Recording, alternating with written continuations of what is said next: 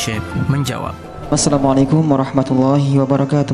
Waalaikumsalam warahmatullahi wabarakatuh. Abah, izinkan kami bertanya, apa hukumnya memanggil orang dengan sebutan nama buah-buahan atau julukan yang lainnya dengan tujuan seru-seruan atau bercanda biar rame, seperti misalnya nanas, pisang, dan sebagainya.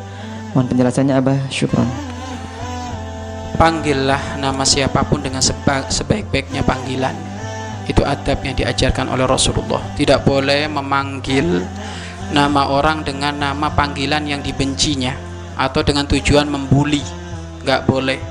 Itu bukan akhlaknya seorang yang kenal Allah. Ya. Jadi tidak boleh. Kalau panggil nama panggil nama temanmu, panggil nama yang paling dicintai.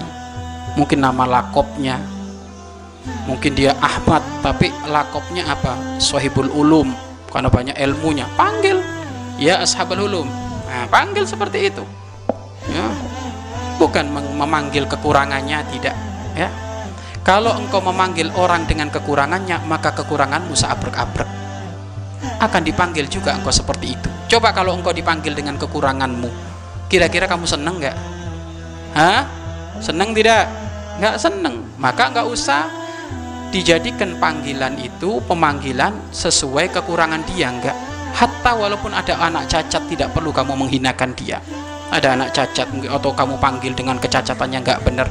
Atau memanggil nama apa dengan sebutan mohon maaf binatang atau tumbuh-tumbuhan untuk seru-seruan. Enggak ada perlunya. Enggak ada perlunya. Ya. Mungkin dia kurus eh si biting. Enggak usah perlu kayak gitu. Enggak ada. Enggak ada perlunya kayak gitu. Nggak ada. Itu tidak pernah diajarkan oleh Rasulullah Wasallam malah Rasulullah itu kalau memanggil siapa pun dengan panggilan yang menjadikan yang dipanggil itu seneng. Loh seneng nak. Memberikan seneng ke orang lain. Itu khalul surur. Menjadikan orang lain bahagia itu pahala loh. Lebih gede daripada infak sedekah. Ya maka biasakan kau membahagiakan orang lain. Jangan membiasakan orang lain sedih. Ya.